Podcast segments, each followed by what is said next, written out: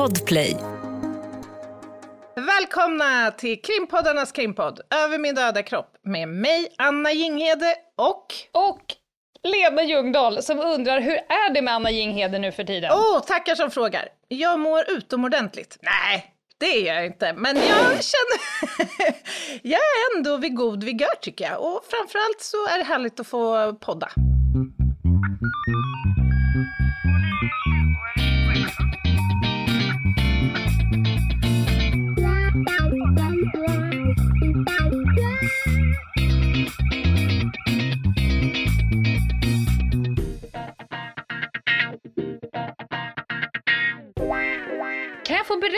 Liten sak som eh, hände mig för ett par timmar sedan?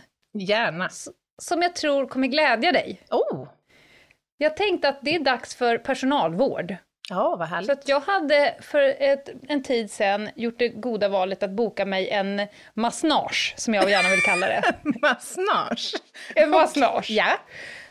75 minuter massage på en lite, en lite finare facilitet. Mhm. Ett sånt där ställe som man också kan säkert piffa upp sig på olika sätt. Mhm. Jag kommer dit, träffar en fantastisk kvinna som presenterar sig och eh, leder upp mig på sitt rum. Och jag bara konstaterar att hon låter lite som farbror Barbro när hon pratar. Och tänkte att det här kommer bli besvärande för mig. Men jag hoppas att hon håller ganska mycket käft. Ja, jag tänker att du kanske inte är rätt klient heller att liksom massera och samtidigt prata hål i huvudet på. Nej, nej, nej. Nej, nej, Nej. alltså jag säger inte ett ord. Nej, jag, Jag låtsas det. om som att de inte finns. Eller jag inte finns, eller hur man nu Mm. ser på det. Det som händer, och så går jag in i det här rummet, inga konstigheter, blir nerbäddad, tar av dig kläderna, eh, lägger mig ner. Då är det första som händer, du vet då trycker man ju ner ansiktet i det här lilla hålet. Mm. Och så har man ju sina tassar under på någon liten eh, brits Ja. så man kan vila armarna. Då kör hon in sina två kupade händer in under hålet, så jag får alltså hennes eh, händer fem centimeter från min näsa. Nej. Och så säger hon, jag har hmm, hmm, olja på mina händer nu. Jag bara, åh nej, åh nej, en oljekärring, tänker jag då. Och så säger hon så här, andas bara eh, djupt in och ut. Och tänkte, men that I can do. Försökte hon söva dig? Var det eter hon hade på händerna? Nej, den doftar ganska fint. Ja. Men då tänkte hon, "Ah, eh, andas bara säger hon djupt sådär. Men sen så börjar hon prata till mina andningar. Andas in trygghet och kärlek.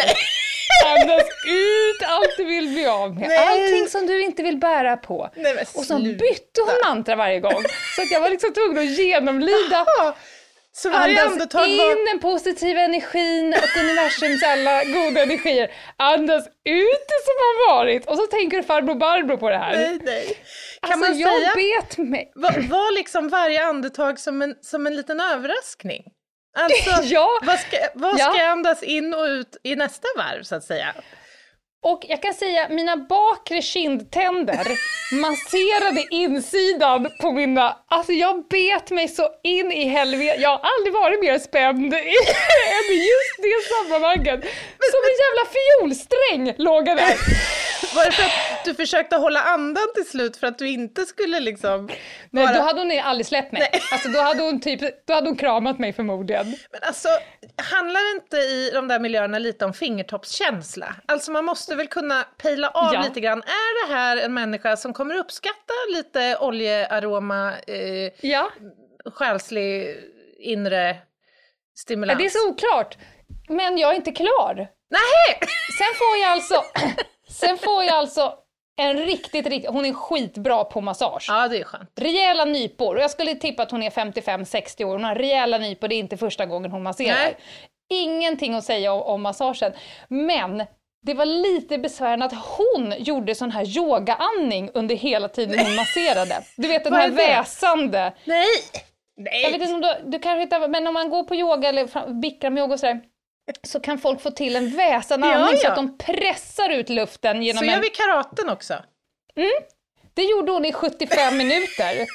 Var hon inte bara täppt i näsan då eller det inte polyper eller någonting? Kanske, jag kanske skulle äta en liten Rynexin.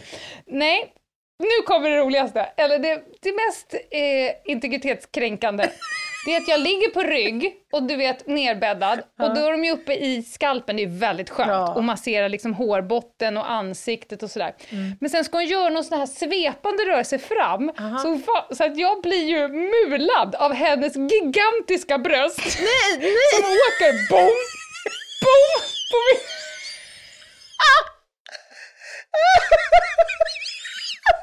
Och så samtidigt andas ut obehaget, andas in.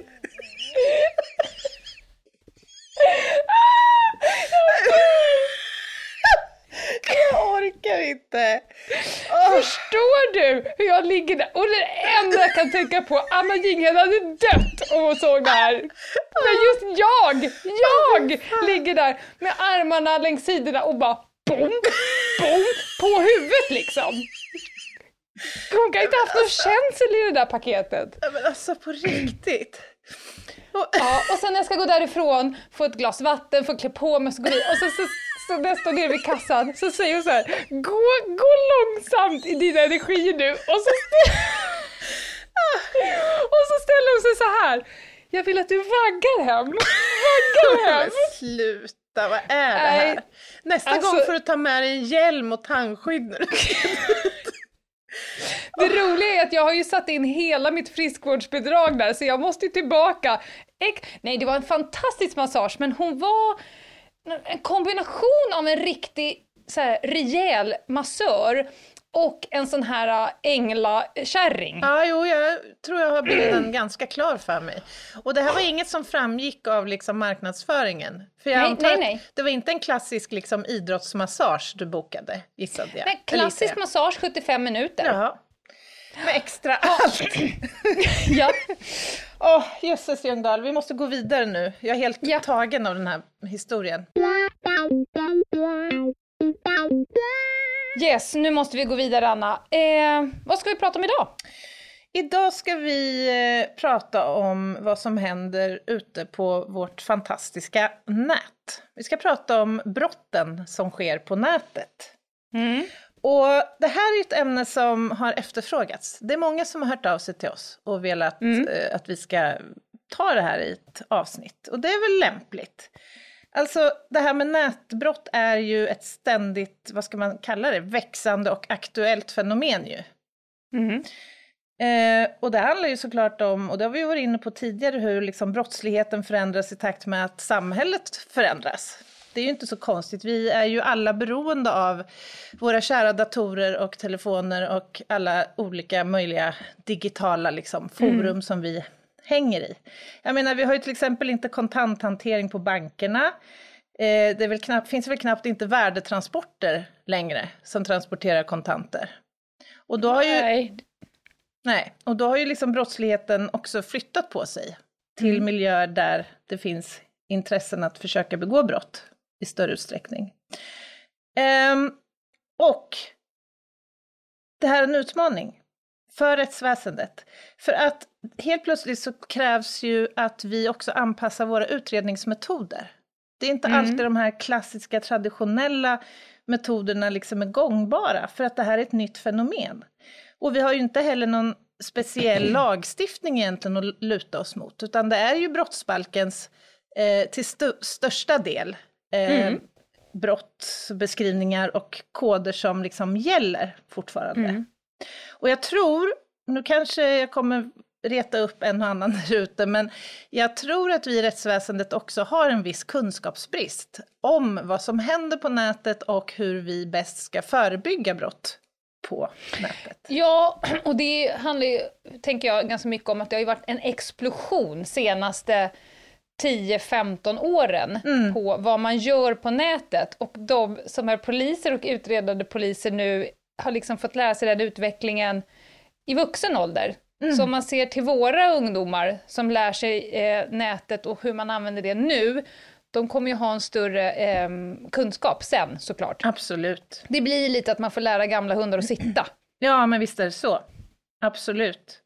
Och vad är det vi pratar om här då? Alltså det här är ju ett kärt barn med många namn skulle man kunna säga. Vi pratar om nätbrott. Och vad är då det? Jo, men det är brott som sker med stöd av internet eller någon annan form av IT-teknik. Och det här kan också kallas IT-brottslighet, databrottslighet eller cyberbrott. Mm. Eh, och alltså jag jobbar ju som kriminaltekniker och jag måste erkänna att i princip, jag, jag vågar nästan säga 100 procent av de brott som jag jobbar i, eller de utredningar som jag jobbar i, har mm. digital spårsäkring en stor betydelse. Ja, oh, gud ja. Det kan jag tänka mig. Det är samma sak i alla spaningsbrott, alla narkotikabrott. Alla dessa datorer och telefoner som blir av vikt för mm. utredningen. Ja. Mm. Och definitionsmässigt om man ska prata IT-brott så finns det två brott som är direkt kopplade till IT och det är dataintrång och datorbedrägeri. Men, och de är då alltså definierade IT-brott. Men mm. i övrigt så har vi att luta oss mot vår gamla brottsbalk och vad som står där. Ja, och det finns ju inget brott som heter nätbrott. Exakt. Även om det hade varit kul med en sån brottsdefinition. Nätbrott. Du som är dum i huvudet på nätet dömes till nätbrott. ja, det hade, det hade ju varit... varit en fantastisk... Jag är ju med i olika typer av eh, grupper på, på nätet. Mm. Eh, såna här då, områdesgrupper. Ja. Jag också. Inte för, jag bor inte ens i området, men jag tycker att det är så oerhört fascinerande att titta på folks dumhet. Ja. Ja, jo men det är det ju verkligen. Och, och det är väl kanske så att den också blir mer påtaglig i, om man nu inte kan, ett, uttrycka sig på ett bra sätt. Nej. Alltså man tappar ju en del nyanser när man liksom ja. läser någons skrivna kommunikation. Mm. Och det är väl också lite en del av det här problemet. Mm. Alltså att det är väldigt tacksamt och lätt att skriva och uttrycka ja. precis vad som helst hemma på sin kammare liksom. Mm. Eh, jag pratade lite grann om det här med att det är en utmaning för rättsväsendet. Och det handlar ju lite grann också om att nätet som brottsplats skiljer sig ju till stor del från andra typer av brottsplatser. Alltså dels mm. så har vi det här med jurisdiktionerna. Ska du förklara för våra lyssnare vad en jurisdiktion är? Mm. Man kan väl förenklat säga att det är liksom rättsbefogenhet, alltså rätten att utöva rättsskipning och att döma. Eh, Exakt. Ja, enkelt förklarat. Alltså nätet är ju internationellt liksom, mm. eller universellt. Vi har ju ja. inte några landsgränser precis på nätet. Nej. Vilket ställer till det. Är svårt det. att lista ut brottsplatsen ibland. Mm. Apropå det brottsplats, vi har ju tjatat här i 102 avsnitt om att du är vass på brottsplatsundersökningar. Mm. Och nu säger du att en, en, ofta är ju brottsplatsen eh, vid en dator, på en dator. Eh, brotten kan begåtts med datorn som eh, brottsverktyg och hjälpmedel. Mm. Är du vass på brottsplatsundersökning även i datormiljö? Absolut inte. Och jag ska överhuvudtaget inte peta på datorer. Eller jo, jag ska peta på dem, men jag ska göra liksom minsta möjliga skulle man kunna säga. Du kan ta ett fingeravtryck utanpå. Ja, alltså min roll blir ju, på en brottsplats så finns ju ofta telefoner, datorer, det kan vara andra typer av lagringsmedia. Mm. Och då har ju vi olika sätt att försöka säkra de här grejerna så fort som möjligt. Vi vet mm. ju att vi har ofta mycket information som är viktig för oss i de här prylarna, men vi vet också att de kan raderas på distans, fjärrraderas.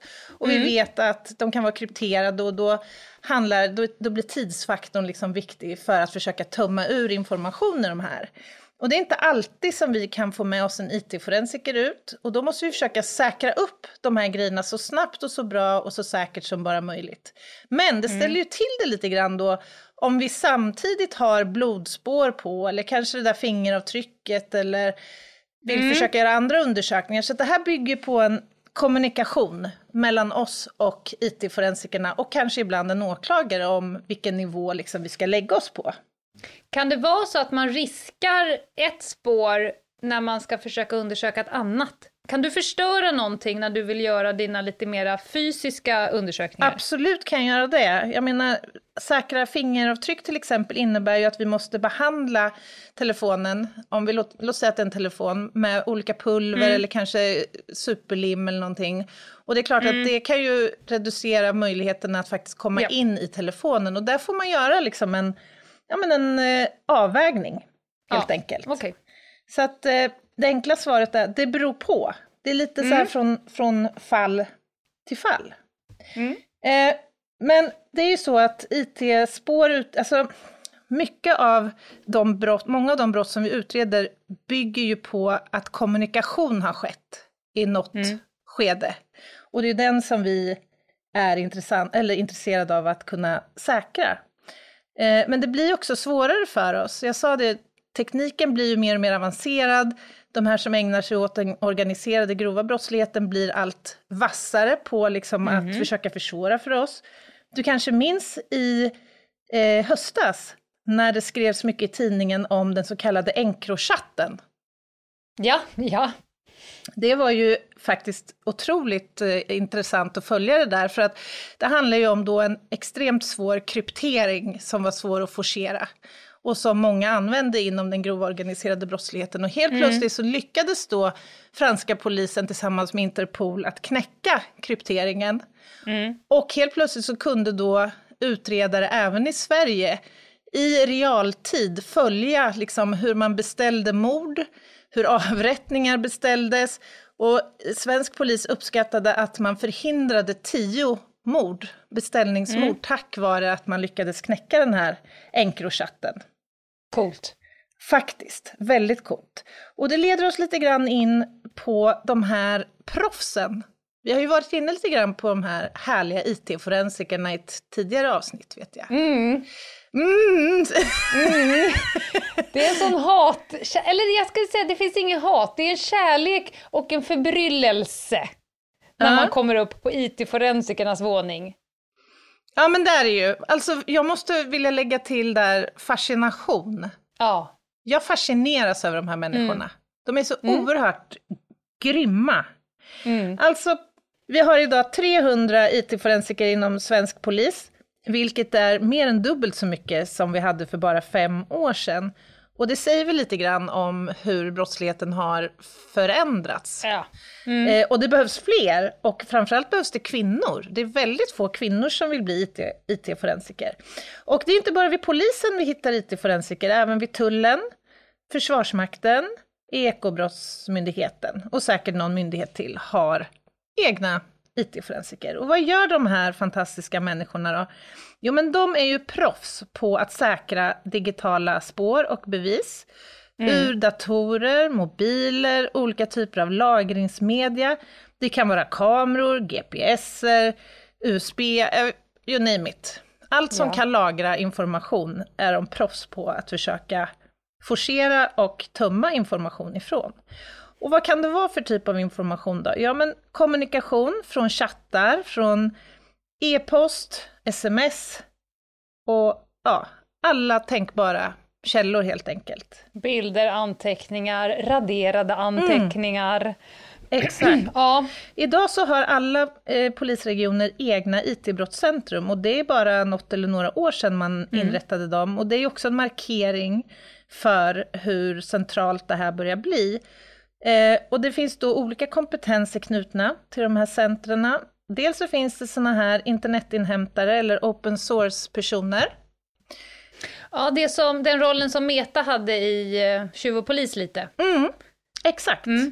Och jag vill också lägga till spaning. Jag har ju varit fysisk spanare, men det finns ju också internetspanare. Som Exakt. egentligen bara sitter på nätet och eh, gör samma sak som vi spanare gör ute, fast de gör det helt enkelt på nätet. Att be, försöka befinna sig i alla rum där brott begås och kartlägger, dokumenterar och utreder. Exakt. Och sen finns det ju utredare som jobbar specifikt med sexuella övergrepp mot barn som sker eh, i nätmiljö. Och så finns det utredare som jobbar med mer komplexa cyberbrott. Så att det finns en massa olika kompetenser som har sin sina olika liksom, expertområden och som samtliga rör då nätbrottslighet. Och de här jobbar ju då tätt tillsammans med oss, å ena sidan, utredare och åklagare och de jobbar i alla typer av brottsutredningar. Ett poddtips från Podplay. I fallen jag aldrig glömmer djupdyker Hasse Aro i arbetet bakom några av Sveriges mest uppseendeväckande brottsutredningar. Går vi in med hemlig telefonavlyssning och, och då upplever vi att vi får en total förändring av hans beteende. Vad är det som händer nu? Vem är det som läcker? Och så säger han att jag är kriminell, jag har varit kriminell i hela mitt liv men att mörda ett barn, där går min gräns. Nya säsongen av Fallen jag aldrig glömmer på Podplay. Men du, eh, ska vi försöka att reda ut lite grann vad det kan vara fråga om för typer av brott då? Ja, vi har ju varit inne på det lite innan. Eh, allting som sker i IRL, så att säga, in real life, kan ju också ske på nätet. Alltså bedrägerier, ID-kapningar, olaga hot och så vidare. Det finns inga särskilda paragrafer för de här brotten bara för att de sker på nätet, utan det är samma rekvisit, förutsättningar som ska vara uppfyllda. Det är samma krav på uppsåt och oaktsamhet beroende på vad det, vad det står i, i brottsbalken. Mm. Eh, men jag plockade ut några brottskategorier som kanske folk vet lite mindre om och några som faktiskt är rätt så nya. Mm. Eh, om vi börjar med förtal. Förtal och förolämpning, det är ju två brott som brukar kallas för ärokränkningsbrotten. Mm. Eh, där förtal är om man pekar ut någon på ett sätt så att omgivningen tycker illa om den här personen helt enkelt. Man misskrediterar personen. Mm. Eh, det här gäller även om man sprider andras, alltså om det är någon annan som har påstått någonting om någon på nätet och du sprider det, även det kan vara förtalsbrott. Till exempel kan det vara olagligt att retweeta någonting om själva tweeten eh, misskrediterar någon. Okej, så att det är inte bara den som har skrivit själva ursprungstweeten då som gör sig Nej. skyldig till brott, utan även de som har spridit det här. Ah, intressant. Och det gäller även sanna uppgifter. Så att jag kan dömas för förtalsbrott för att jag har spridit att du, säg att eh, Anna Jinghede, hon är ju dömd för, ska vi ta en, eh, misshandel. Även om du är de facto dömd för misshandel så kan det vara ett förtalsbrott att sprida det. Mhm. Eh, så att till exempel de här sajterna som sprider domar kan bli förtalsbrott. Och det är själva spridningen som är, är brottet här nu då. Eh, förolämpning, det är ju istället riktat mot en person. Alltså de andra ger sig på eh, omgivningen, att jag ska få omgivningen att tycka illa om dig. Förolämpning, det är om jag ger mig på dig och Mm. säger saker till dig som ger sig på din eh, självkänsla.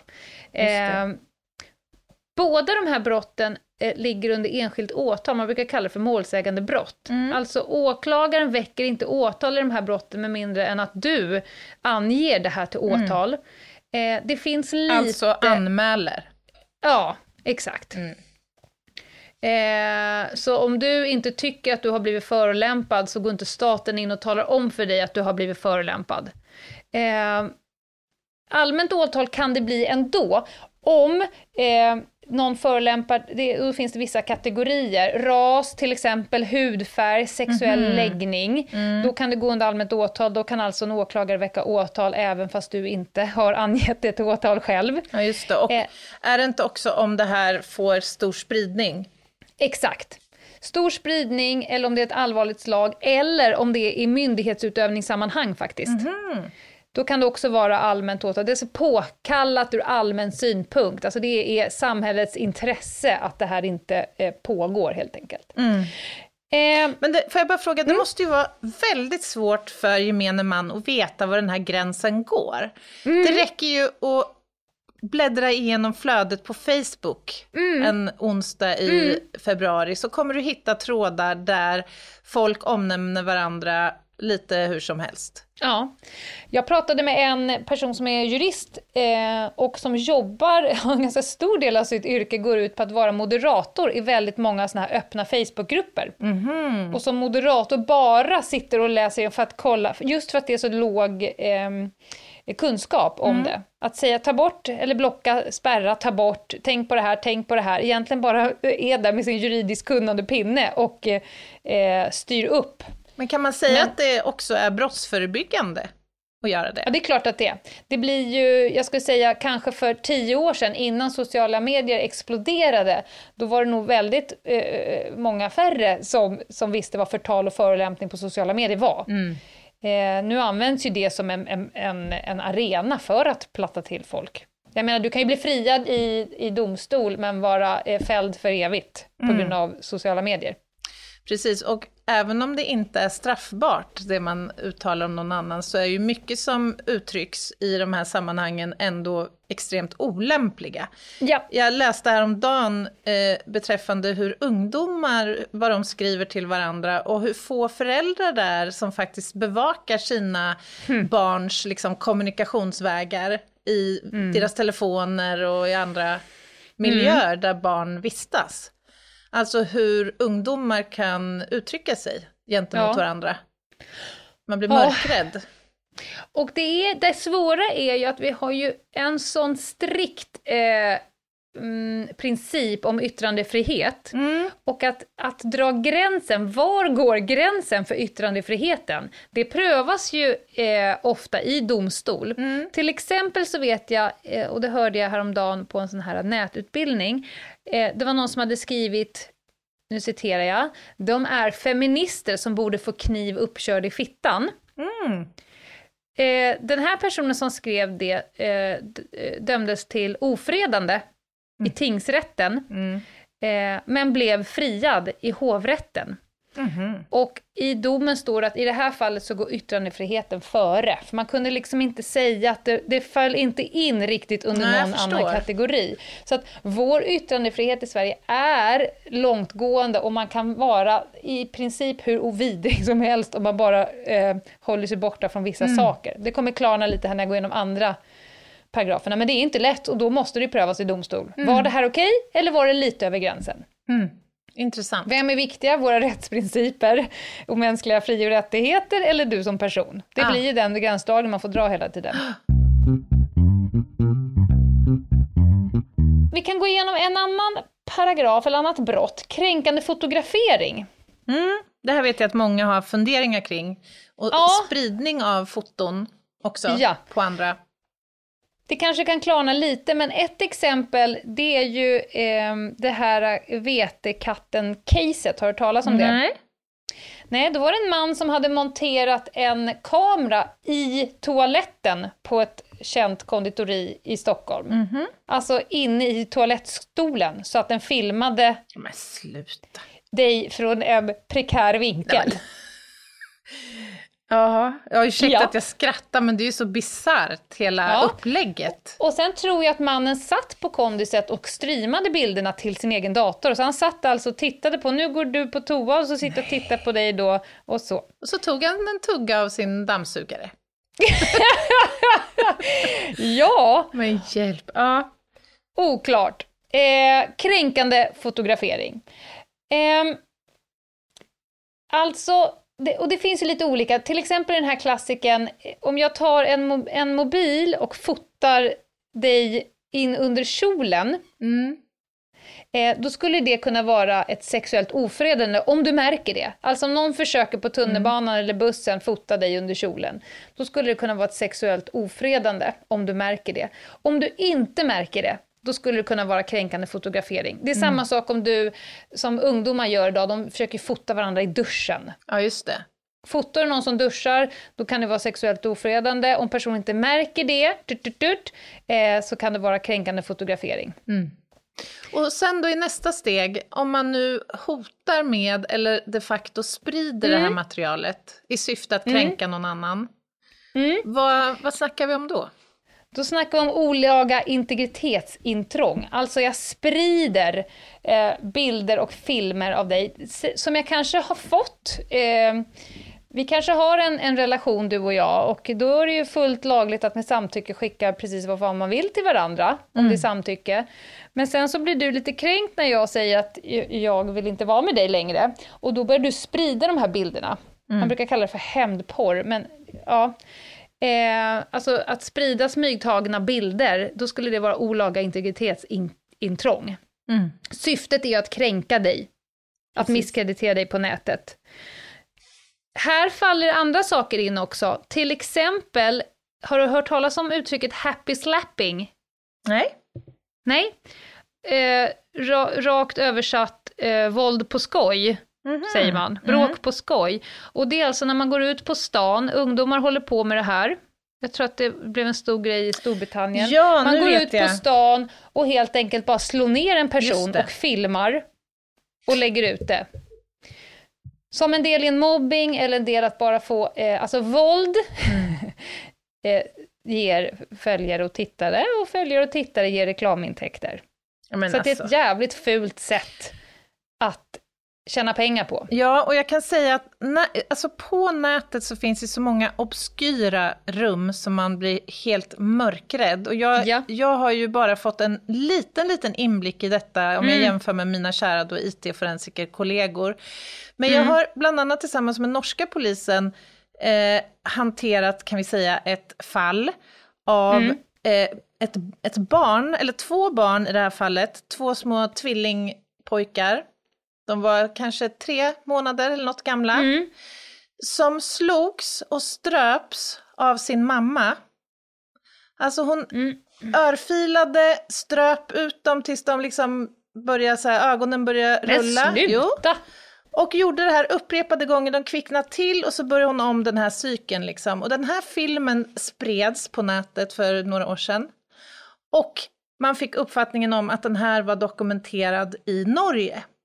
Mm. Eh, och i samma veva så var jag ute och föreläste med en av de här som var ansvarig för just det här caset och vi diskuterade det sinsemellan.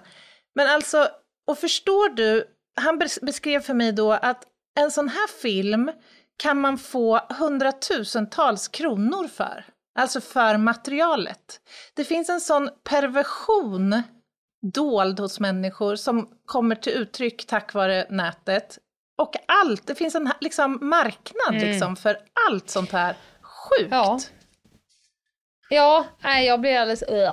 Eh, ja, det, och, då, och någonstans i det här så kom, tillkommer ju pengar och ju mer titt och klick så, så tillkommer ännu mer pengar.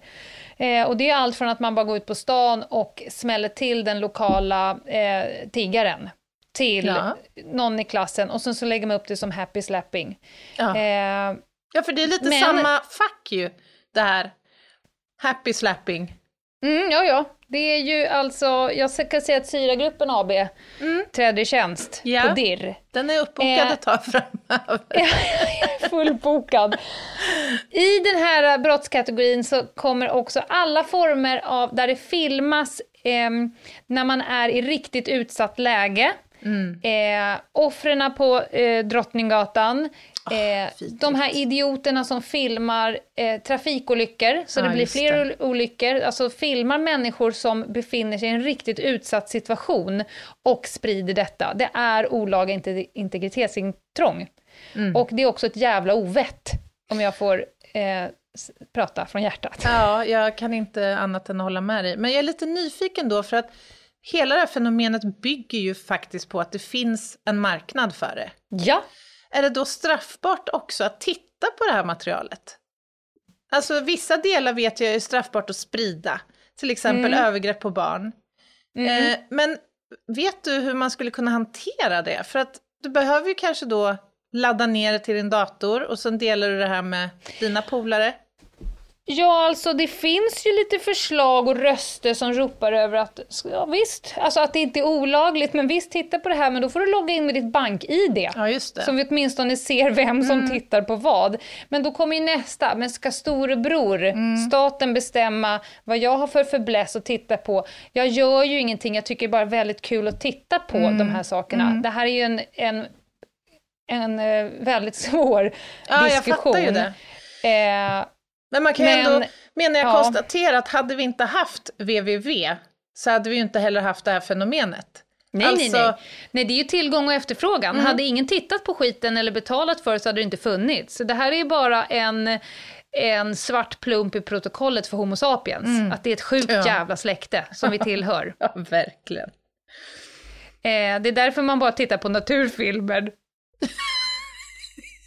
Ja. Är, varje gång jag tittar på naturfilm så tänker jag så här, fy fan, vi är ju den lägst, den lägst stående arten av alla. Vi är fulast, vi är dummast, vi har sämst på överlevnad, ja. vi har typ inget. Nej, nej, jag är beredd att hålla med dig, i, Ja. i vissa avseenden i alla fall. Ja, jo, det, det finns väl små ljusglimtar. Sen kommer vi vidare till olaga identitetsanvändning, så kallad catfishing. Och det är när jag använder mig av ditt du är lite halvkänd Anna. Jag tänker att du har kanske en, en fanbase, att om jag tar din bild och din, ditt namn och så låtsas jag vara eh, du på nätet, Mm. så kommer jag under i alla fall en viss period innan jag blir stoppad och kommer på mig, kunna kanske sälja lite saker i ditt namn, begå lite bedrägeribrott. finns lite olika syften, men att jag låtsas helt enkelt vara du på nätet en stund för att utnyttja eh, fördelarna som kommer med att vara du. Ja, du skulle ju också kunna faktiskt ofreda någon annan och lite så. Det, Absolut. Det här var ju jag själv med om, som du vet, Mm.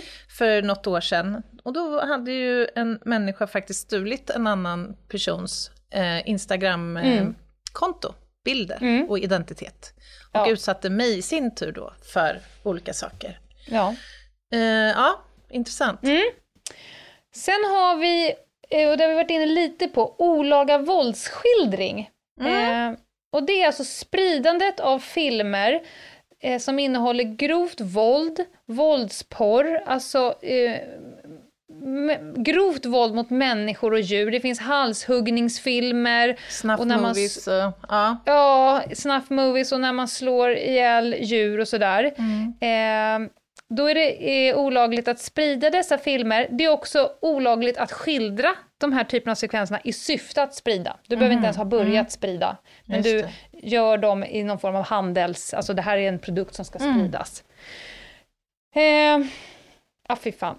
Ja. Ja, och sen så finns ett lagförslag, sista brottet som jag skulle vilja ta upp. Ett lagförslag på um, självmordshets. Alltså eh, det här som kan vara i nät, på nätet. Alltså Anna Jinghede, du är ju så jävla ful och äcklig. Du borde verkligen ta livet av dig. Mm. Ingen tycker om dig. Du är hemsk. Och världen hade varit mycket bättre om du tog livet av dig. Det här kan man ju se i ungdomschattar, eh, sms-trådar, snapchat-grupper och faktiskt också höra när barn spelar spel med varandra. Fan logga ut, alla hatar dig, det borde inte finnas. Jag skulle säga, eh, jag var intervjuad i en tidning, eh, Korren här i veckan, eh, angående dickpics var det då, som då sexuellt ofredande. Men just det här att man inte riktigt vet vad kiddos gör på nätet mot varandra. Eh, och jag är ju själv väldigt noga med att tala om för min son här, du vet inte vad den andra personen har för marginaler. Är det en stabil person och ni har en god relation, då kan det faktiskt upplevas som ett skämt av er båda. Båda kan tycka att det är kul. En dålig dag, små marginaler, du vet inte hur personen har det hemma eller så vidare. Då kan du vara orsak till att den här personen gör någonting riktigt. Och där vill du inte hamna. Nej. Så att den här diskussionen måste liksom pågå hela tiden. Men jag tycker ändå att det är ett rimligt lagförslag. Jag har inte sett liksom, det här måste ju upp i alla instanser och bedömas. Men, men det här med att verkligen. hetsa folk till att ta livet av sig, syragrupp, Ja, jösses. ja. Ja, och det här tangerar ju lite grann, du var inne lite grann på ett annat stort brottsområde som äger rum på nätet, nämligen sexualbrotten. Mm. Vad har Mm. vi? Sexuellt ofredande var vi inne på, det här med dickpics. Mm. Eh, trakasserier, tvinga någon att skicka bilder, nakenbilder på sig själv. Övertala, tvinga eller utpressa någon att posera i kamera. Eller titta Mm. på sex. Eller läsa eh, sexmeddelanden. Mm. Sprida bilder. Alltså det, det här är ju, och du var inne på det här med revenge porn också. Ja. Alltså det är ju så mycket i det här facket som äger rum tyvärr på Mm. nätet. Och där en grupp är särskilt utsatt, nämligen barn. Ja. Ja, där har man ju, jag tycker att det är ju för ofta artiklar och information om liksom unga tjejer som har tvingats posera med olika typer av, alltså ta din hårborste, gör det här med den saken. Eh, och när det skiter sig, det är ju när barnen eh, på något sätt går över en gräns eh, och sen använder aset eh, den bilden för, att för att trycka personen över nästa gräns Precis. och säga om inte du gör det här så kommer jag visa den första bilden för dina föräldrar. Och någonstans där känner man att nu vill jag hämta hem, men jag vill inte att mamma och pappa ska se att jag har gått över den första gränsen, eller mamma och mamma, pappa, pappa, vad det nu är för va- vårdnadshavande. Men, eh, och då försöker de lösa detta själv. Eh, och då blir det ännu värre. Ja, men precis. Och det här är ju ett klassiskt grooming eh, ju. Alltså de, jobbar, de utnyttjar barns utsatthet och sårbarhet och jobbar upp en rädsla Mm. hos de här barnen. Och till slut så, alltså det kan ju sluta riktigt, riktigt illa. Ja. har ju haft ett sånt uppmärksammat fall här i Kumla, bland annat, där det slutar riktigt illa. Och dessutom har vi faktiskt senaste åren haft, eller varit involverade i ganska omfattande barnpornografihärvor.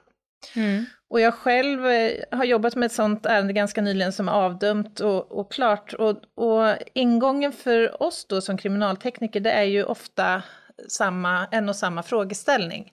Alltså man har identifierat en miljö utifrån dokumentation, bilder, barnporrbilder som man har säkrat i någons dator. Mm. Eh, och så blir frågeställningen till oss, är den här bilden tagen i den här miljön? Ja. Så då blir ju våran, våran eh, uppgift blir ju då att dels försöka identifiera miljön utifrån vad vi ser på materialet och sen försöka säkra spår på den platsen som också kan visa vad som har skett där. Mm. Så försöka binda ett barn till platsen och en förövare eller flera.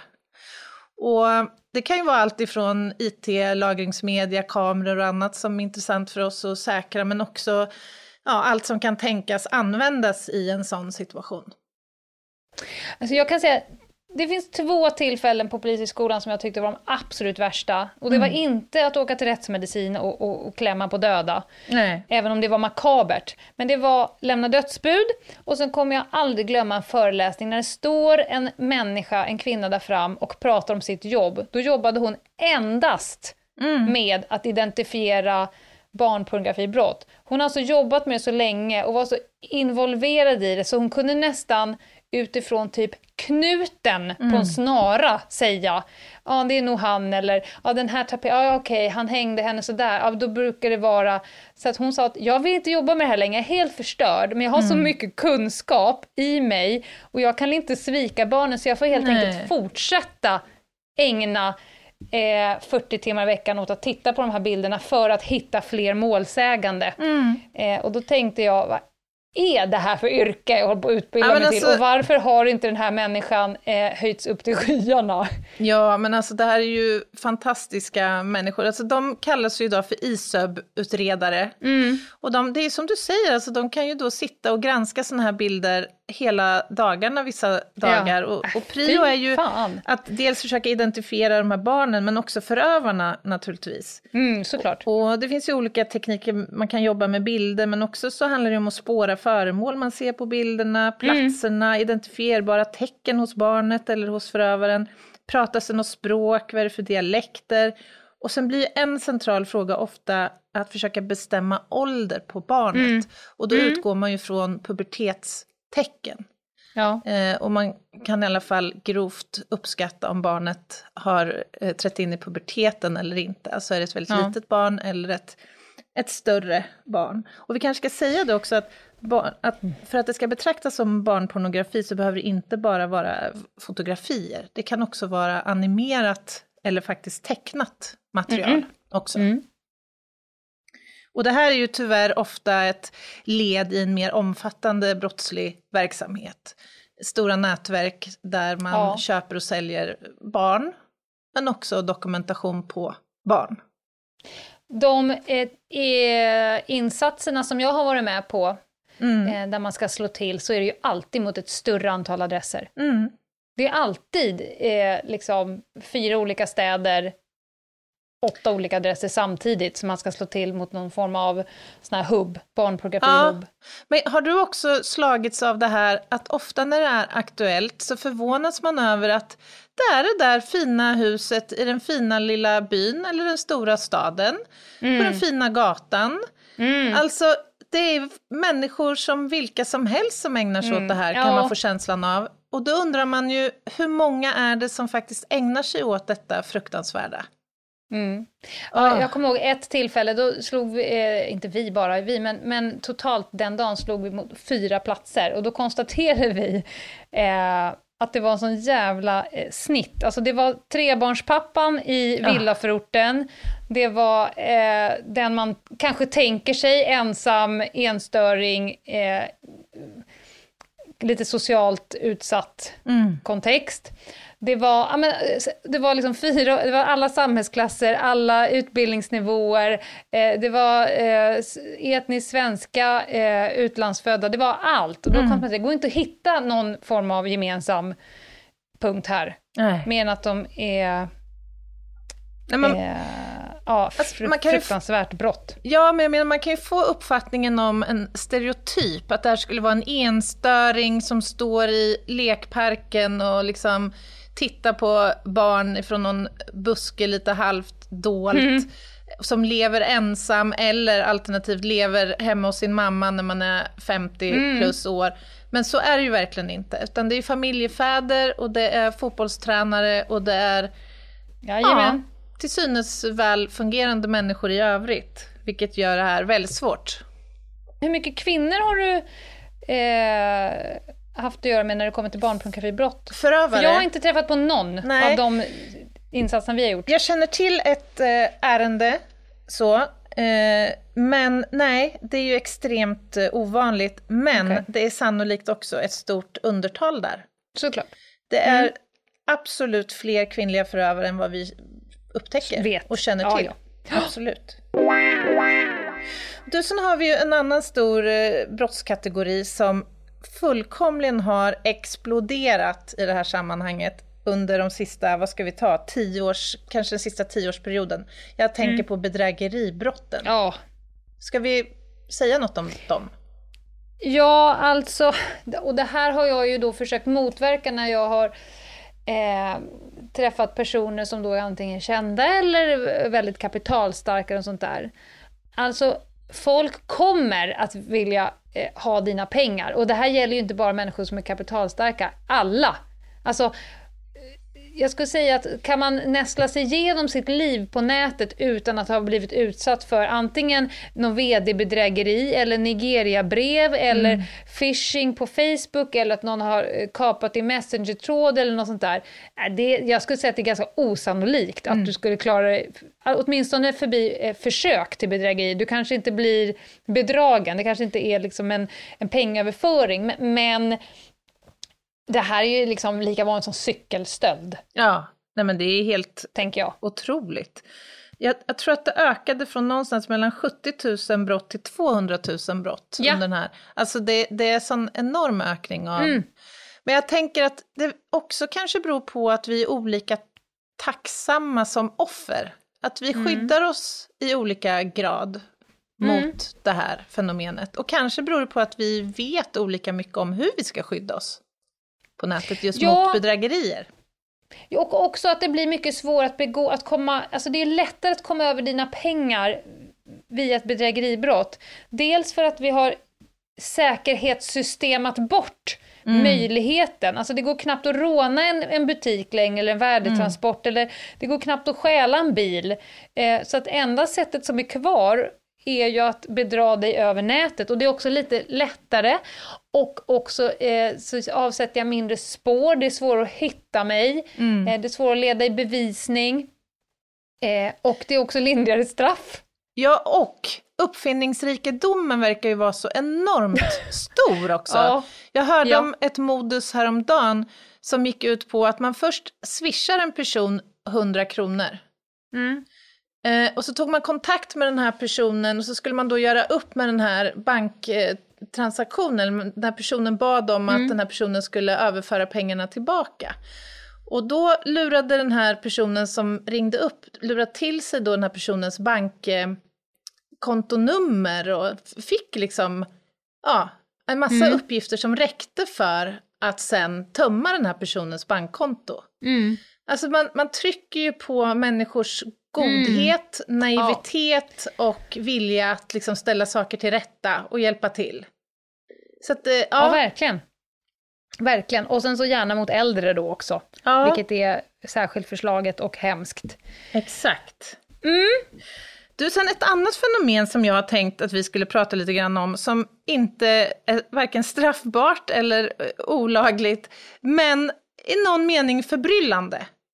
Alltså har du varit med om det här fenomenet att du kanske står där hemma på morgonen och pratar med någon familjemedlem om att det skulle vara gott att äta våfflor med amerikanska blåbär till middag.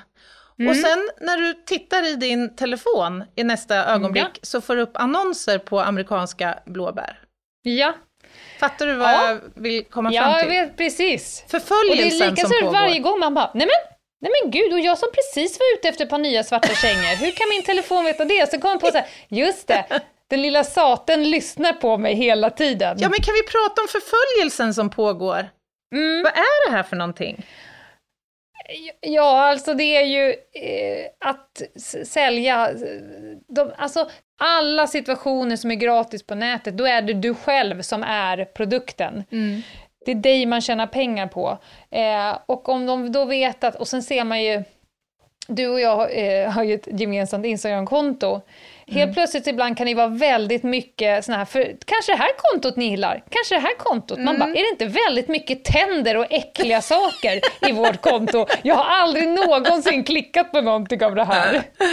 Så det är ju att man ska få upp i sitt ansikte, när man ligger hemma i sitt sovrum i lugn och ro, plånboken ligger där, och så ska det ju bara komma saker som är nischade för mig i flödet. Det kan man ju tycka både är skönt och dåligt. Alltså, det är ju skönt att jag slipper se saker som jag inte är intresserad av, men företagen vill ju sälja saker till Ja, och en. de lyckas ju med det. Och det här Såklart. handlar ju om de så kallade kakorna. Alltså cookies. Informationen som, datan som lagras om oss. Alltså vi avsätter ju spår. Vi har pratat om Locard. Det måste Ja. finnas en motsvarighet på nätet. Alltså vi lämnar spår efter Blockard. oss. Block Blockard. vi lämnar ju spår eh, efter oss överallt där vi vistas, även på nätet. Så det är klart att den här informationen kan ju också tas tillvara för eh, kommersiella syften. Ett poddtips från Podplay. I fallen jag aldrig glömmer djupdyker Hasse Aro i arbetet bakom några av Sveriges mest uppseendeväckande brottsutredningar. Går vi in med hemlig telefonavlyssning och, och då upplever vi att vi får en total förändring av hans beteende. Vad är det som händer nu? Vem är det som läcker? Och så säger han att jag är kriminell, jag har varit kriminell i hela mitt liv men att mörda ett barn, där går min gräns. Nya säsongen av Fallen jag aldrig glömmer på Podplay. Ska vi avrunda lite grann innan du kommer till din jätte, jätteviktiga lista? Gud vad jag ser fram emot den. Men jag ska bara säga lite så här, vem ser egentligen ansvaret så det slipper bli pajkastning här. Eh, du har som person eh, eget ansvar. Eh, du bor i Sverige, eh, vi har Sveriges rikes lag här. Eh, du har ansvar för ditt eget yttrande. Du kan också vara ansvarig för andras yttrande om du gör den dumma eh, moven att sprida det andra har gjort. Då kan du liksom bli ansvarig ändå, även fast det inte var du som yttrade.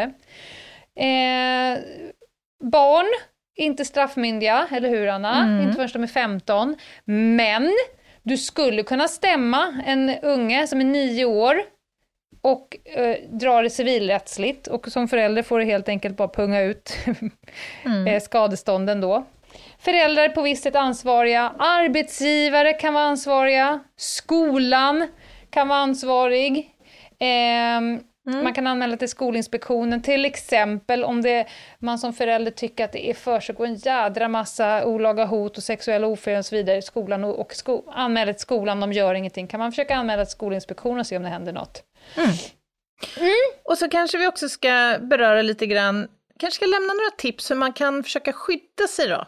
Sig själv och sina barn på nätet. Om vi tar det här med bedrägeririsken, identitetskapning och lite av de här grejerna. Så handlar det ju faktiskt till mångt och mycket om så basala saker som att ett, byta sitt lösenord, sina lösenord regelbundet. Att inte heller välja för lätta lösenord. Att inte ha samma lösenord på mer än ett ställe. Precis. Och att vara rädd om sina ID-uppgifter. Mm. Att undvika att sprida dem. Många har ju, vet jag, eller många, men jag antar att ett antal i alla fall låter sina kontokortsuppgifter ligga sparade på olika ställen. Mm. Och det är ju kanske inte en kanongrej om man är rädd för att ja, råka ut för den här typen av... Alltså ju mer eh, uppgifter du, du delar med dig av, desto eh, lättare blir det ju att komma åt dig. Mm. Mm. Och det här med undersökningsplikten då, om du ska handla en vara över nätet, Ja. gäller den då som om du skulle handla av din granne eller på en radannons i det lokala bladet? Ja. Ja. Och det innebär att, ja, för det första, jag, alltså jag ser ju ett antal sådana här, alltså på Facebook så finns det någon sån här köp och säljgrupp. Och jag kan säga att jag ser flera gånger i veckan hur varor säljs ut till priser som inte är rimliga för varans värde. Och då ska ju, redan där ska ju en klocka ringa. Mm. Om det är alldeles för billigt, om en helt Om ny... du får en cykel på köpet. Ja, precis. Så är det något fishy. Alltså Ja. ska du avstå från att handla av den personen, eller i vart fall kräva att få se inköpshandlingar på cykeln och inte föra över några pengar innan du har sett varan. För det finns ju inte god tro längre. Nej, det Du kan helt inte det. enkelt bli av med din vara om du inte har tänkt till. Ja, och vill det se riktigt illa så är vi inne och tassar lite grann i häleribrottslighet. Om det nu skulle visa sig vara stöldgods, det vill man ju inte gärna Mm. eh, befatta sig med. Nej. Och om man då är förälder och har barn som är på nätet, vilket ju de flesta har, Ja. har vi några bra råd? Ja, men, ja, och som jag sa i den här intervjun, jag fattar ju att det är jävligt besvärligt att vara förälder till barn som inte bor under en sten. Eh, för att då kan man antingen gå två vägar. Antingen säger man nej, du får inte. Nej, du får inte spela, du får inte ha den appen, för att man inte orkar sätta sig in i det, i det helt enkelt. Och sen har vi den andra, eh, som jag kallar för slackermodellen. Ja, som går på det här. Alla andra har, ja men jag vill ha, jag vet att åldersgräns 17, men är i alla fall 12. Och som säger ja till allt. Och då blir det så att det här barnet kommer leva ett helt eget liv på nätet och du har ingen som helst jävla aning vad som händer. Rätt väg att gå, det är faktiskt att ta sitt föräldraengagemang och eh, sätta sig in i det. Mamma, mamma, jag vill ha en ny app. Vi- jag tar reda på lite grejer om det så får du mitt beslut senare. Sen får man helt enkelt läsa på. Vad är det för app? Vad är det för säkerhetssystem? Kommer mitt barn chatta med okända personer? Finns det en spårbarhet? Kan man hitta honom på GPS?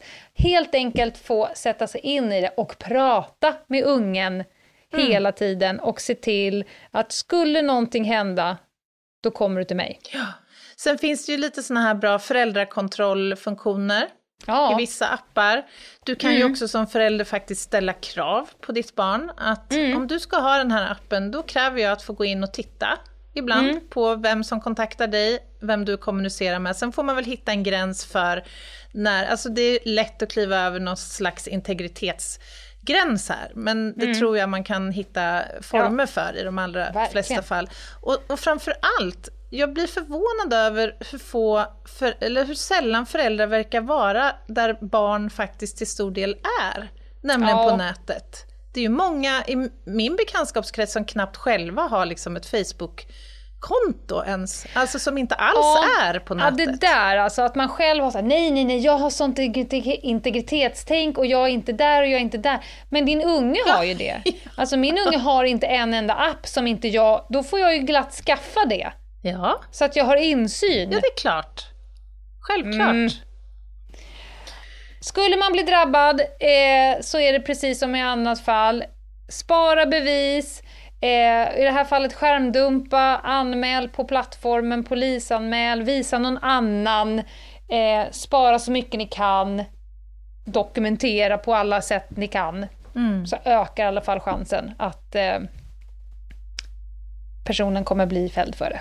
Om det är ungdomar som lyssnar på det här, prata med någon vuxen säger jag. Det är inte Mm. alltid det kan, kanske känns bra att prata med sin förälder eller någon av sina Mm. föräldrar, men prata med någon vuxen om vad du har utsatts för, så att du får hjälp. Bra Anna! Innan vi går in på din jätte, jätteviktiga lista, är det någonting vi säger inför nästa vecka? Som vanligt Instagram va? Ja, Instagram, Ljungdahl och Ginghede. Och eh, kanske kommer det här avsnittet att väcka lite frågor och tankar och funderingar och då går det bra att mejla oss. Ljungdahl och Ginghede at gmail.com. Skulle vi kanske kunna flagga upp Maria Duvas böcker? Bra! Ninna, ninna, na, ninna, na, na, ninna. Det vart ett boktips på slutet. Och hon har skrivit en hel radda bra böcker om eh, värsta bästa nätet. Mm. Och hur man kan eh, agera som förälder till barn som är på nätet. Faktiskt en fröjd att läsa tillsammans med sina barn. Det gjorde vi. Verkligen. Jag håller med. Nu, nu kommer en Anna. Uff, kommer det nu? Annas jätte, jätteviktiga lista. Ja, alltså det är dags för Annas jätte, jätteviktiga lista. Och eh, nu kommer kanske folk bli förvånade, eller kanske inte alls förvånade över temat på den här listan, därför att jag kommer ägna mig åt döden idag. Och vi har varit i, det här, i den här verktygslådan tidigare och grä- grävt runt. Men... Jag återvänder så gärna. Ja, vad härligt. Det är nämligen så här att sista veckorna har det drällt in frågor rörande vad som händer efter döden. Och det är specifikt en fråga som verkar vara het just nu. Den rör vad händer om jag dör och har en tampong insatt? Kommer den då att tas bort? Eller kommer jag att begravas eller kremeras med denna i min kropp? Och jag förstår inte att det här har varit en sån Nej. otroligt het eh, fråga. Eh, det enkla svaret på frågan är ja, den kommer att avlägsnas. Den kanske till och med är viktig att undersöka om det är så att man misstänker att en person har avlidit till följd av en svår infektion och där det här kan ha spelat någon slags roll. Men grundprincipen när man avlider är ju att ja, infarter, katetrar, plåster, till och med Piercing. piercings, implantat, pacemakers och sånt som kan explodera i värsta fall under en kremering. Allt sånt ska bort. Ja. Eh, och eh, ja, så det är den enkla frågan, eller svaret på den frågan. Men jag, jag, jag fastnade då lite i det här facket och jag tänker att jag vill återvända lite grann och ge lite perspektiv på hur, vad man kan göra med sin kropp efter döden. Alltså, Nej men vänta, vänta. Efter döden kan du inte göra någonting med din kropp. man kan bestämma före döden vad man Ja, du vill att ens kropp ska, vad som ska hända med den efter döden.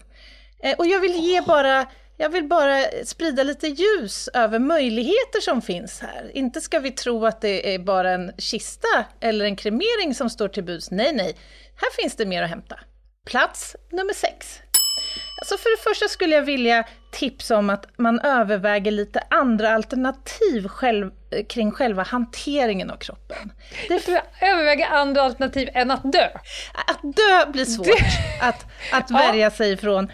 Men Ja. jag tänker att man kanske är sugen på något annat än en traditionell kremering. Mm. Vad, vad tänker du om jag säger att man kan bli likvifierad? Ska jag bli vätska? Ja! Kittlar det? Eh, får jag välja vä- vätska? Jag vill bli en... Eh, Parfym! nej, jag vill bli en grogg! En stadig jävla lång grogg. Au! Ja, men här, här är det något på spåren. Alltså, Ja. man kan eh, utsätta sig för då, eller kroppen, för alkalisk hydrolys. Och då kan Ja. liksom kroppen genomgå en slags flytande kremering. Och eh, det här tycker jag är fascinerande. Det tar alltså mellan fyra och sex timmar för kroppen att återgå då till sina kemiska liksom, ursprungsdelar. Är inte det här helt otroligt? Och Skulle man kunna använda sig själv som gödsel? Ja, ja, det kommer jag till nu. Alltså, du kanske är lite nyfiken på hur slutresultatet ser ut ändå? Ja. Ja, alltså du kommer då få en behållare med en grönbrun vätska. Kan finnas vissa inslag av hårdvävnadsrester, alltså lite skeletterat material som, som flyter omkring där. Men Ja. det här fungerar alldeles ypperligt att gödsla med, till exempel. Det var det? Ja, ja, ja, ja. Absolut. Men gud. Och det finns ju alltså företag som ägnar sig åt det här och erbjuder den här tjänsten. Liksom det finns företag som också erbjuder en möjlighet att bli mumifierad. Ja. Eh, du, kanske vill övergå, du kanske vill bli ett smycke. Eller varför inte en vinylskiva? Jo då, det går. Då får du bara se till så dina anhöriga samlar ihop lite av askan här. Så kan du pressa askan till, till ett vackert smycke. Men jag ser, det här har ju något, det här har något annat. Tänk att sitta på sin altan och blicka ut över eh, din praktfulla trädgårdsros som du vet att sur eh, Berit är upphov till. ja, ja. Hennes surhet hade liksom exakt rätt pH-värde så att du fick en, en praktfull ros. Ja. Samtidigt så sitter du och lyssnar på farbror Bosse när han spelar Ja. Kanske sitter också Rock around the tummar- clock. Ja, ja. Du kanske också sitter och tummar på något litet vackert halssmycke där. Där farbror Gösta eh, har lämnat sitt avtryck. ja. Gud. Alltså, Ja. Jag tycker det är kittlande. Men, plats nummer fem. Om vi tar det här ändå ett steg längre. Ja. Nu är jag inne på avdelningen plastinering. Ska jag Plastinering. bli plastficka? Nej, alltså det skulle man kunna kanske tänka sig i förlängningen. Men alltså det finns ju, runt om i världen så har man haft några sådana här eh, utställningar med avlidna som har genomgått plastinering. Alltså möjligheterna finns här då att Först, om man blir först då balsamerad på något eh, vis då hemma i, där, i sitt hemland. Sen kan man då skicka sin kropp, det här är ett företag i Tyskland som ägnar sig åt plastineringsverksamhet. Eh, och då kommer de eh, att tömma kroppen på fett och vatten. Och sen kommer man då göra så att kroppen intar en viss position. Och då tänker jag att här finns det ju en ocean av möjligheter. Ser du vilken position jag tog direkt? Ja, the thinking woman. Tänkaren. Nej men alltså du kanske vill så här, sitta med dina ben i korsen, eh, sittande position eller som att du rider på en häst eller jag, jag vet inte. Det finns som sagt oändligt det, många. finns det inte, finns det inte begränsning i att jag inte har någon häst då? Blir inte det en ganska konstig position? Det kan, Jag det, bara är så här. ja men jag tänker om man nu blir föremål för en sån här utställning. Då, Ja, då kanske de så. kommer att sätta dig på en häst som har genomgått en plastineringsprocess också, vad Ja. vet jag. Ja, du kan fundera på det i alla fall. Mm. Eh, plats nummer fyra. Varför inte donera sig till ett museum?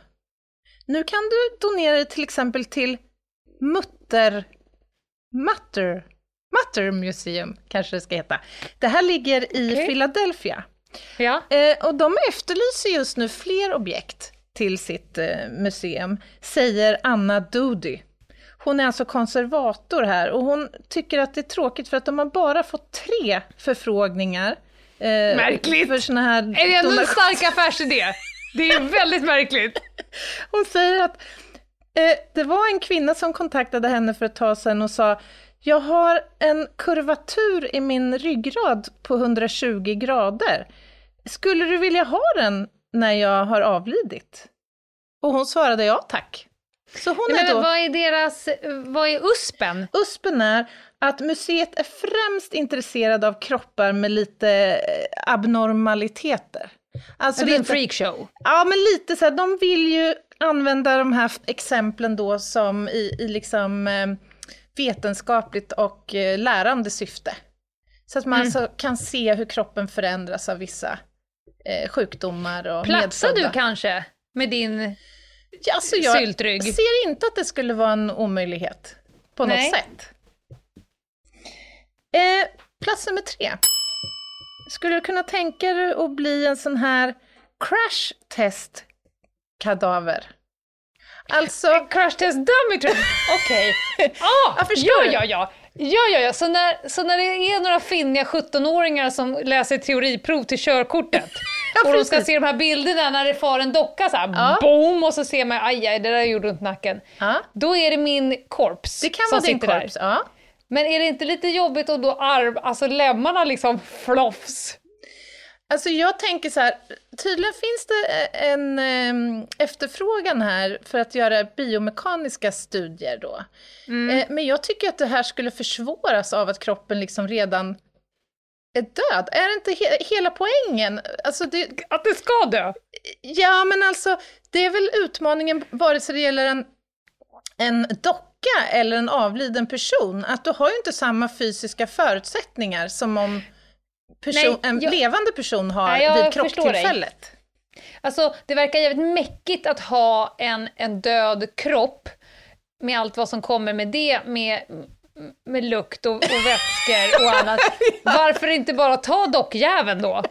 Ja, ja. Vad är liksom... Ja, jag, på något sätt, jag kan tycka att det känns lite som en tunn affärsidé det här.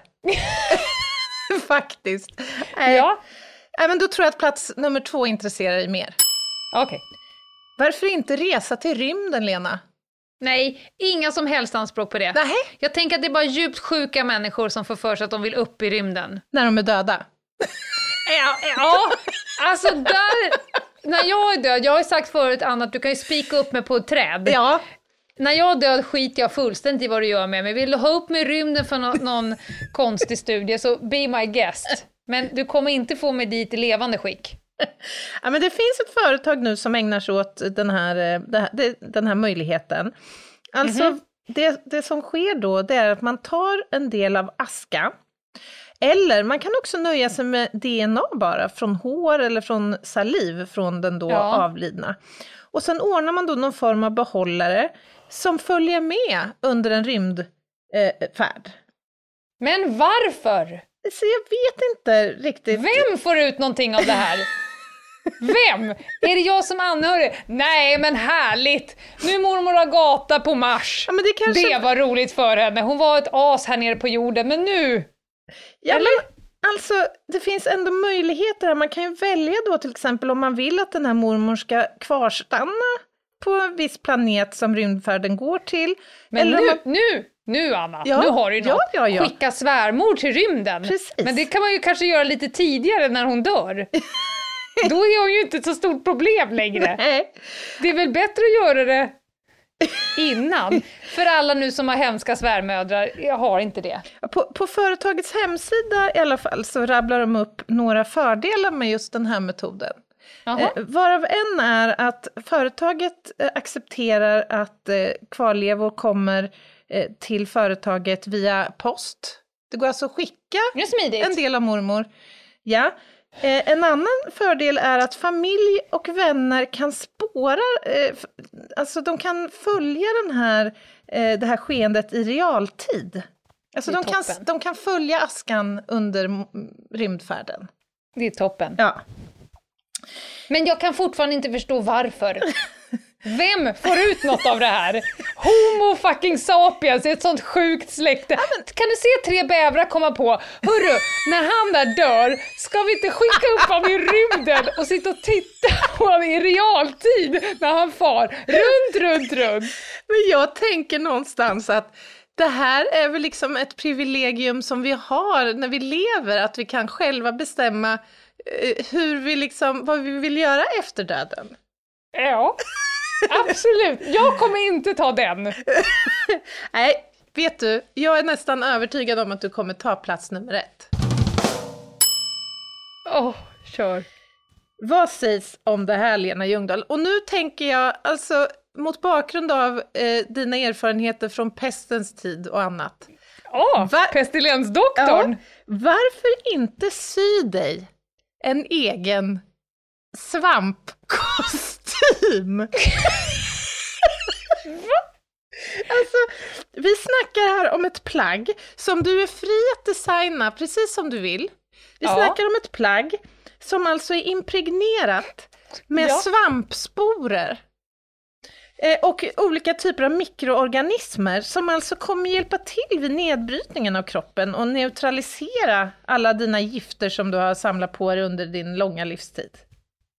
Nej, men vänta. vänta, vänta, vänta, vänta, vänta. Jag ska alltså i levande form Ja. säga, när jag dör, då vill jag att ni syr mig en svampkostym. Nej, nej, du syr din kostym innan du dör.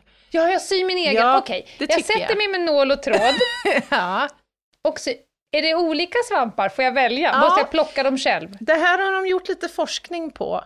Eh, alltså man vill ju gärna ha en, en svamp som verkligen hjälper till vid nedbrytningen här. Och de har försökt att liksom på laboratorieväg att ta fram nya typer här. Men det har, varit, det har, det har kört ihop sig lite. Så att jag tror att det bä- bästa är nog att, att blanda. Mixa och matcha bara, lite Om jag olika. sätter på mig den... Det här, nu, det här gick jag igång på. Om jag sätter på mig den när jag lever, börjar jag nedbrytas redan då? Ja, det är I möjligt. så fall så kommer jag ögonblickligen sluta säga till alla jävlar eh, att stickas en offerkofta. Jag kommer säga sticka i en svampkostym. Så du egentligen förmultnar, på, förmultnar och förruttnar på stående fot. På dirr bara. Ja, det är ju fantastiskt. Det här är en affärsidé för Syragruppen. Eller hur? Det finns en liten haka här. Eh, och, Nej. eh, alltså det finns en marknad för, för svampkostymen, det gör det absolut. Ja. Men problemet är att man vill ju gärna att de här ska vara helt ekologiska. Och det finns nu en modell. Eh, det är en jumpsuit. Kan det passa fröken? Ja, ja, ja, en ja. onesie. Ja, Ja. det, är, det är en eh, jumpsuit eh, som kallas för Infinity Burial Suit. Men Mm. googla gärna mushroom suit. Så, så kanske för insp- inspiration. Gud, det ser ut så, åh gud, jag vill, jag, nästa, nästa gång jag blir bjuden på maskerad, jag lovar, jag lovar här och nu, om jag någon gång blir bjuden på maskerad, oavsett temajävel, då kan folk komma i sina små eh, naughty secretary dresses. Jag kommer komma i en full size svampkostym med hatt. Ja, hatt har du ju redan. Ja! Pestilenschampinjonhatten. Ja, ja, det blev en Intressant, lång Anna. lista, men eh, det var vad jag hade att bjuda på idag. Jag älskar det. Älskar det. Nästa vecka så eh, kommer rövhatten igen. Och har jag en rövhatt till nästa vecka? Oh my god. Vi eh, ses kanske på liven på lördag. Det hoppas jag.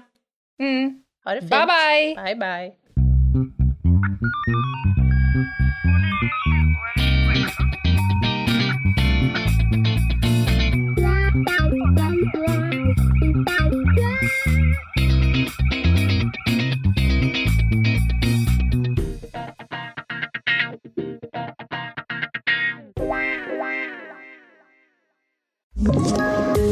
Poddtips från Podplay.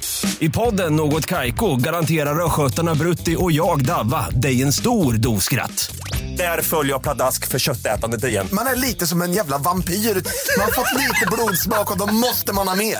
Udda spaningar, fängslande anekdoter och en och annan arg rant. Jag måste ha mitt kaffe på morgonen för annars är jag ingen trevlig människa. Då är du ingen trevlig människa, punkt. Något Kaiko, hör du på Podplay. Därför är gardinerna.